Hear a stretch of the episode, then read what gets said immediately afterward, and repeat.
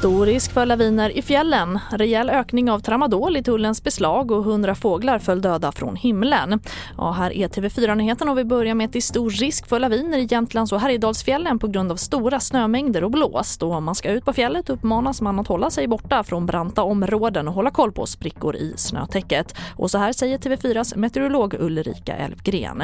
Nu drar det igång med sportloven så att nu får man bevaka också lavinfaran extra noga och det gör vi. Och idag så har vi 3RS, en betydande risk för och fara för laviner i Jämtland och Härjedalsfjällen. Och det innebär att man helst inte ska befinna sig ute i lavinterräng, det vill säga terräng som inte är pistad och som har en ganska brant lutning. För då kan man utlösa laviner med hjälp av sin tyngd på det snötäcket som ligger där. Och en längre kommentar med Ulrika kan du se på tv4.se. Och tullen beslagtog färre skjutvapen i fjol men mer cannabis, knivar, bangers och inte minst det beroendeframkallande läkemedel tramadol. Det visar en sammanställning från Tullverket.